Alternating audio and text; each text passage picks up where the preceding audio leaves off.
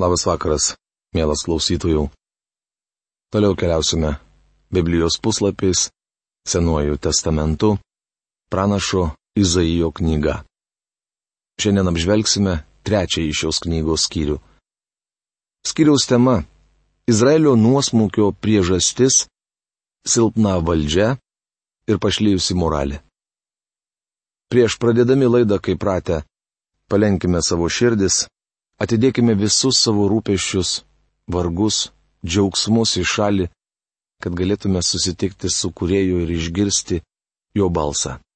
Jisai nesilaužia į mūsų širdis, bet tyliai, švelniai į jas beldžiasi ir nori, kad mes atidarytume savo širdis. Dangiškasis tėve, mes dėkojame tau, kad tu esi be galo mylintis ir kad iš didelės meilės sukūrė į mūsų žmonės ir visą kūrinyje. Dėkojame tau, kad tada, kada buvome nusidėjėliai, tu atsiuntėjai savo sūnų, mūsų viešpatį ir gelbėtoje Jėzų, kuris tobulai atlikęs amžinojo atpirkimo darbą, buvo paimtas ir šiandien yra tavo aukštybės dešinėje. Jis yra permaldavimas už mūsų nuodėmės ir mes dėkojame tau, kad tu apreiškiai mums tai. Dėkojame tau, kad tu valdovė pažįsti mūsų širdis, mūsų mintis, troškimus. Ir dėkojame tau, tėve, kad mes galime suvokti ir suprasti, jog tu esi šventas, tobulas, tyras. Kad tavo akivaizdoje viešpate mums dažnai yra būti baugu. Padėk, sustiprindamas kiekvieną širdį, nusižeminti prieš tave. Padėk suprasti tavo žodžius mums paliktus, kad jais vadovaudamiesi galėtume pasiekti amžinybę.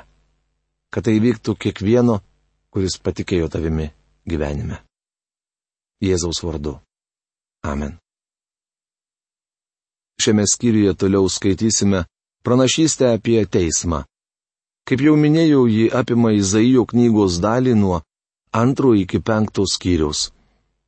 Trečiame skyriuje apreikštas Dievo teismas grėsintis Izraelio tautai. Nors ši pranašystė taikytina ir kitoms tautoms, jos aiškinimas susijęs tik su Izraeliu. Šioje pranašystėje rašoma, kas grėsia aplinkinėms tautoms. Tai be ne įstabiausios šventojo rašto pranašystės, mat dauguma jų pažodžiui išsipildė. Skaitydami šios Izaijo pranašystės skyrius, sužinosime, kad Izraelio labiau nei kitų tautų laukia griežtesnis ir baisesnis teismas. Tikriausiai jums kyla klausimas, kodėl. Matote, Dievas buvo išsirinkęs Izraelį ypatingų būdų ir jie geriau už bet kurią kitą tautą galėjo patirti jo artumą. Taigi, privilegija įpareigoja. Kadangi privilegija neatsiejama nuo atsakomybės, Mano įsitikinimu Dievas teis Junktinės Amerikos valstijas griežčiau už kitas tautas. Pavyzdžiui, Kinija ar Indija. Amerika turėjo išskirtinę galimybę pažinti Dievo žodį. Biblijoje rašoma, kam daug duota, iš to bus daugiau ir pareikalauta. Kaip jau minėjau, Izraelio tauta buvo apšviesta labiau už visas kaimininės tautas. Skaitydami šią knygą sužinosime, kad šviesos atstumimas užtraukia griežtą bausmę. Galbūt jums nemalonu girdėti apie Dievo teismą. Tačiau nekiškite kaip strutis galvos į smėlį. Priimkite tikrovę tokią, kokia ji yra. Nesvarbu, ar ji jums patinka ar ne. Dievas teisė nuodėme. Jis ne tik teis ją ateityje, bet jau yra nuteisęs praeitie. Beje, dėl to jis nesigaili ir neatsiprašinėja. Taigi toliau skaitysime pranašystę, kuri išsipildė dar Izaijo laikais. Beje, ji vis dar aktuali, nes tokios pat aplinkybės susiklostys laikų pabaigoje. Tai sužadins Dievo rūstybę ir jis pakils teisti ne tik Izraelio, bet ir visų pasaulio tautų. Pirmose penkiolikoje šios skyriaus eilučių kalbama apie silpną valdžią. Likusiuose apie moterų aprangą. Regis tai visiškai nesusiję dalykai, tačiau pamatysime, jog jie nėra tokie tolimi, kaip mums atrodo. Kai šaliai vadovauja įgūdžių neturinčios moterys, valdžia būna silpna. Taigi apie tą silpną valdžią. Viešpats galybių Dievas atims Jeruzaliai ir judui paramą ir paspirtį, visas maisto ir vandens atsargas. Izaijo knygos trečios kiriaus pirmą eilutę. Ši eilutė susijusi su judu ir Jeruzalė. Nors žmogus gyvas ne vieną duoną, ji jam būtina. Badas, apie kurį čia kalbama, yra Dievo bausmė. Dievo žodėje paminėta trylika badmečių ir visi jie kaip bausmė buvo siusti Izraelio tautai. Karžygiai ir karį, teisėjai ir pranašą, žynį ir seniūną, penkisdešimtuko vadą ir didžiūną, patarėją, įgudusi amatininką ir išmanų raganių. Izaijo knygos trečios kiriaus antra trečia eilutės. Dievas atims iš Judo ir Jeruzalės ne tik maisto ir vandens atsargas, bet ir vadovaujančius vyrus. Krašte pristiks įgudusių vyrų ir tai bus Dievo bausmės dalis. Panašiai yra ir šiandien. Ar jūsų nestebina tai, kad pastaruoju metu nematyti iškilių vyrų? Tiesa, kai kurie dedasi tokiais, tačiau Vašingtono, Lincolno, Jacksono ar Tedžiai Roosevelto dienomis jie būtų buvę tik nikštukai. Jų negalima palyginti ir su tais vyrais, kurie parašė Amerikos nepriklausomybės deklaraciją. Šiandien valdžioje yra daug jaunų ir senų garbėtroškų, kurie visiškai netinkami valstybės vadovų pareigoms. Tai sakydamas aš nepataikauju jokiai politiniai partijai. Prieš šimtą metų jie būtų pelnę žmonėse pigių politikėlių vardą, bet šiandien vadinami valstybės veikėjais. Mes turime karių, bet neturime sumanių vadų. Teisinėje sistemoje taip pat trūksta vadovų. Nusikaltimų skaičius auga, nes teisėjų kėdėse sėdi nykštukai. Kur pranašai, žiniai ir seniūnai? Mūsų šalyje nėra valstybės veikėjų, tik grupelė gudrių politikų, te mokančių daryti kompromisus. Nekalbu apie kurią nors vieną politinę partiją, tik sakau, kad iškilių vyrų stoka tautoje yra nuosmūkio ir artėjančios Dievo bausmės ženklas ir tai galima pritaikyti bet kuriai tautai. Meno sritis taip pat merdėja. Ką gero galite išvysti per televiziją? Man jau iki gyvo kaulo įgryso pokalbių programos. Dažniausiai ekrane pasirodo pranešėjas ir sako, šiandien mūsų svečias žymus ir genialus menininkas. Tuomet į sceną užlipa pasišiaušęs vaikigalis, pabrazdina gitarą, paklykę į mikrofoną, tai štai jums ir genijus. Kitas laidos svečias - literatūros pažyba, parašęs vieną nešvankę knygelę. Bičiuli, šiandien nebėra didžių žmonių, tačiau mes nenorime to pripažinti, nes esame išdidus. Kur mokslo didybė? Dar neseniai tikėjome, kad pedagogai išspręs pasaulio problemas. Šiandien akivaizdu, kad jie negali susitvarkyti net savo mokymo įstaigose. Sakoma, kad anksčiau Amerikoje mediniais laivais plaukiojo geležiniai vyrai, tačiau šiandien geležiniais laivais plaukioja mediniai vyrai. Mano nuomonė, nūdien vyrai yra net ne mediniai, o popieriniai. Aukštus valstybinius postus užima popierinės lėlės. Berniukščius duosiu jums vadovais viešpataus savavalį užgaida. Izaijo knygos trečios skyriaus ketvirta eilutė. Daugelio aukštas pareigas einančių valdininkų sugebėjimai panašus į kūdikių. Mus valdo suaugę vaikai, tai yra visiškai nekompetitingi žmonės.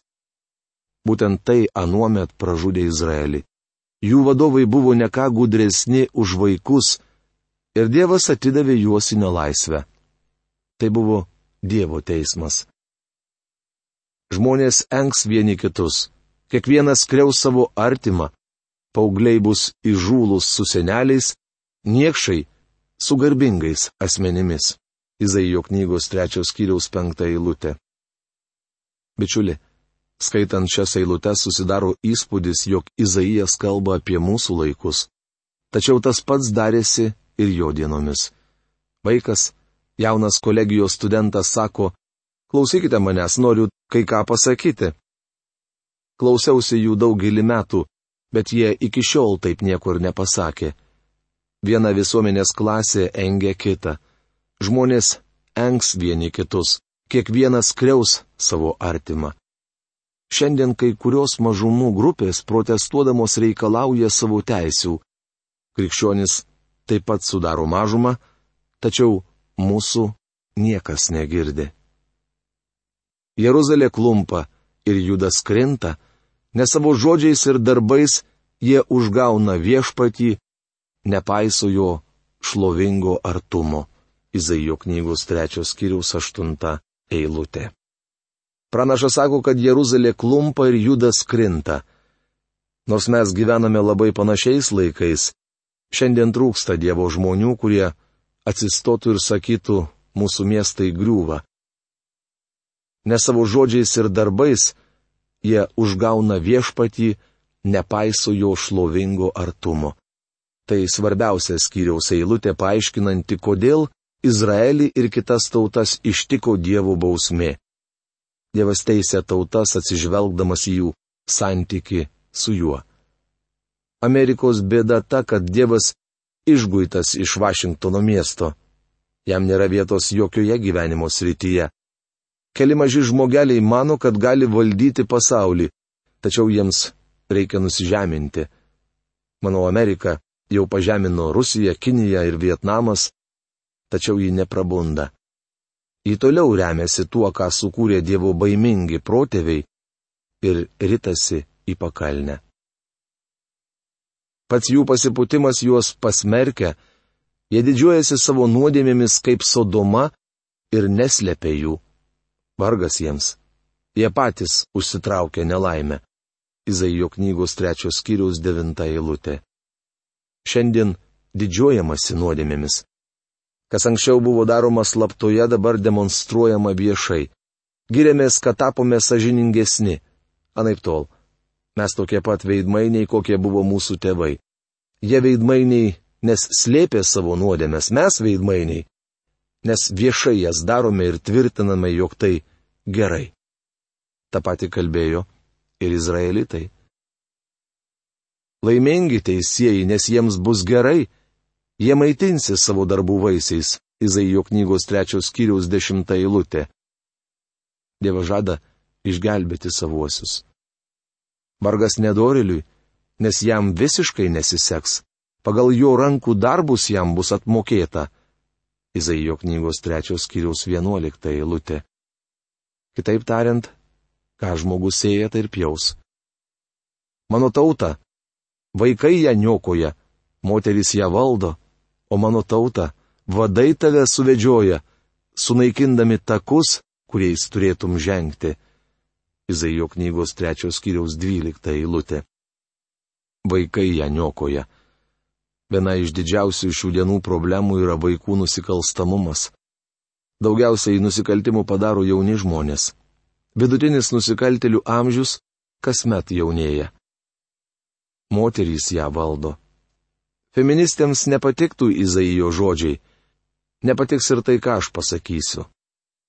O mano tauta, vadai tave suvedžioja, sunaikindami takus, kuriais turėtum žengti.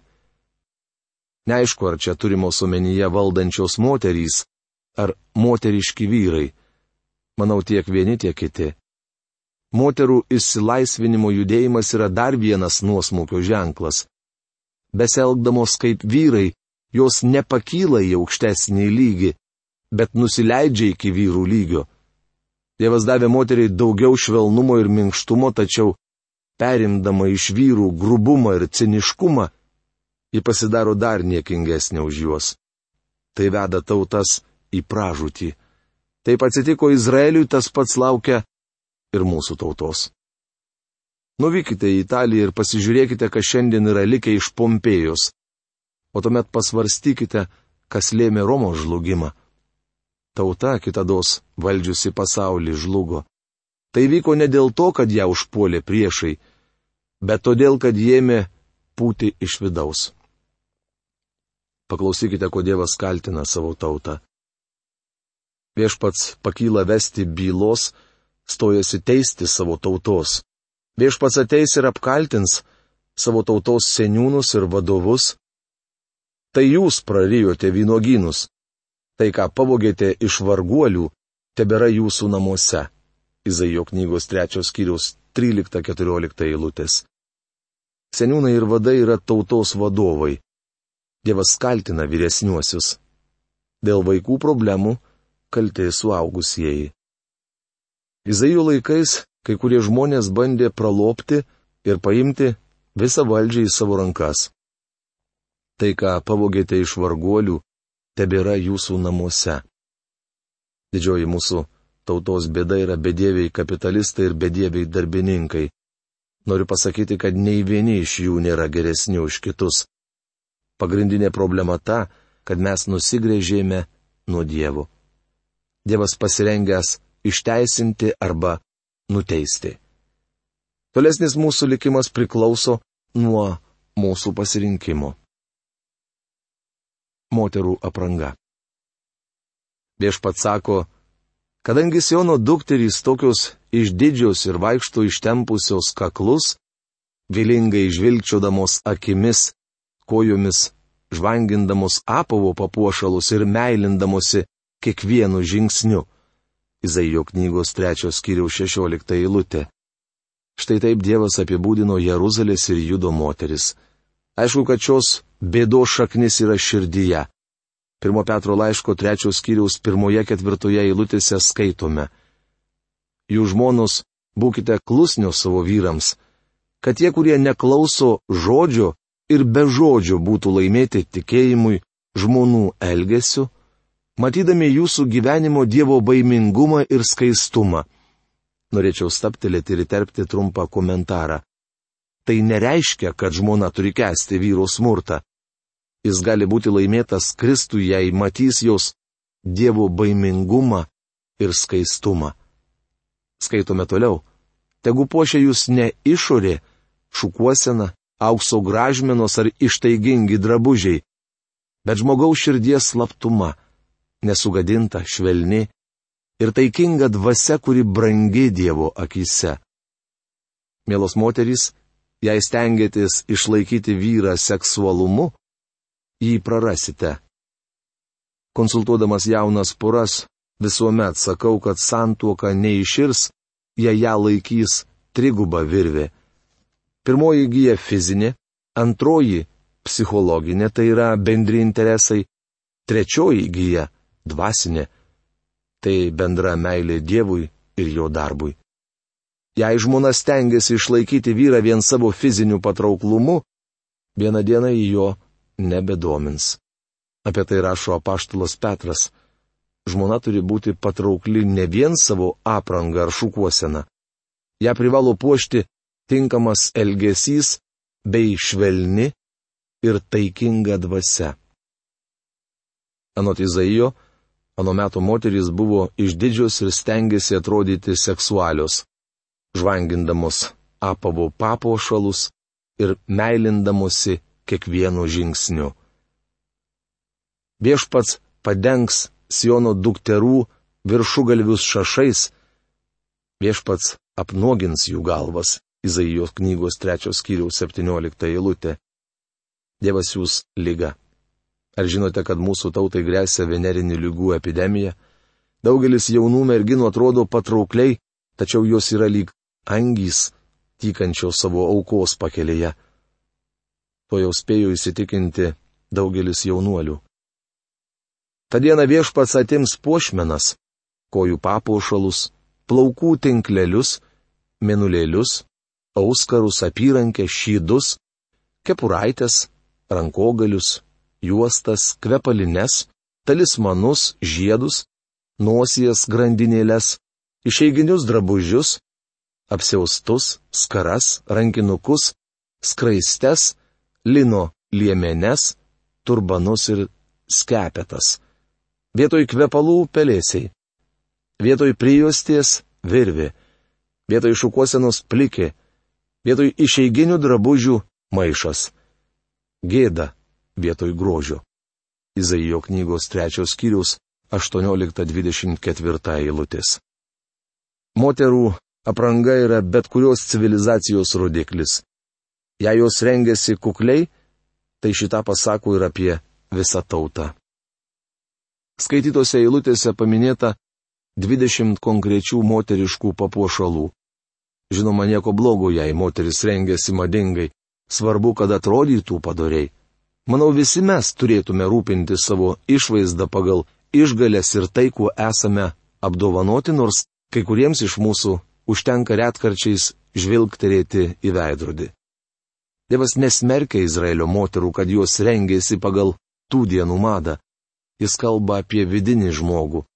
Izraelitės buvo išdidžios ir įžūlios. Nuo moterų aprangos priklauso tautos moralė. Tavo vyrai kris nuo kalavijo, karžygiai kris mūšyje. Aimanuos ir liūdės tavo vartai, nuniokota tu sėdėsi ant žemės. Izaijo knygos trečios kiriaus 25-26 eilutės archeologai rado romėnišką medalį, kuriame pavaizduota verkianti moteris. Apačioje užrašyta judėja capta. Šis atvaizdas simbolizavo Izraelio paėmimą į nelaisvę. Kadangi Izraelis nepaisė Dievo įspėjimų, jis atidavė juos į nelaisvę. Mielas klausytojų, kaip psalmėse sakoma, sustokime, susimastykime, įsiklausykime į tuos žodžius kad nepraplauktume pro šalį, kad nebūtų mūsų bėgimas tuščias. Ir vieną dieną, kada stovėsime viešpaties akivaizdoje, nebūtume sugėdinti. Iki malonaus sustikimo. Sudė.